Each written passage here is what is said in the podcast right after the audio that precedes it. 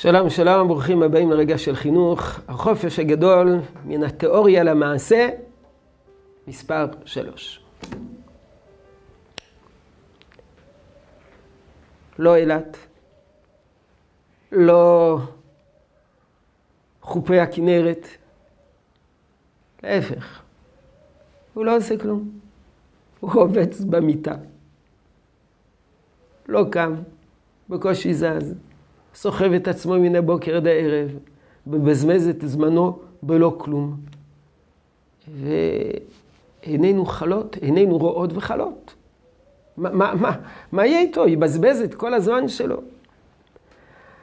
אז התשובה היא שהנער מתקשה לייצר תוכנית.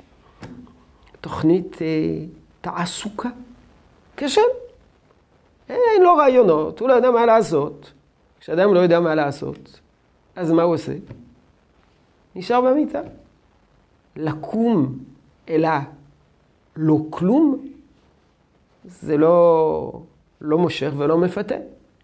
לקום בשביל לבזבז את היום ב, ב, ב, בחוסר מעש, זה לא, זה לא מעניין. אז נשארים במיטה ולא קמים. מורחים את הלילה, מורחים את הערב, הולכים לישון מאוחר, ואז קמים מאוחר.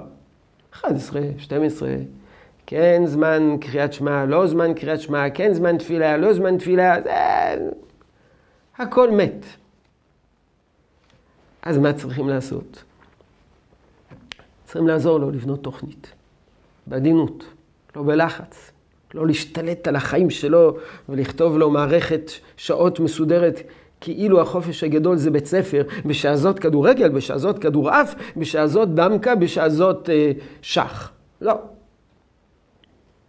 אבל צריכים לעזור לו. לא להכתיב לו. לנסות לעורר את הרצון שלו. לנסות לחשוב איתו. להציע לו הצעות. אולי זה אתה מעדיף, אולי את זה אתה מעדיף. ולא לעשות היא לבנות את התוכניות בבוקר לשעות אחר הצהריים. יום לפני כן, אין לחץ. ברגע, מן הרגע לרגע, זה מלחיץ, אין עם מי לדבר. תוכנית, אם אפשר מוצאי שבת, תוכנית שבועית. כמה, לחשוב על כמה רעיונות. לא צריכים תוכנית של 24 שעות. צריכים כמה עוגנים של עשייה משמעותית במשך היום. דברים קטנים, דברים בעלי ערך. הם כבר uh, מחיים את כל היום.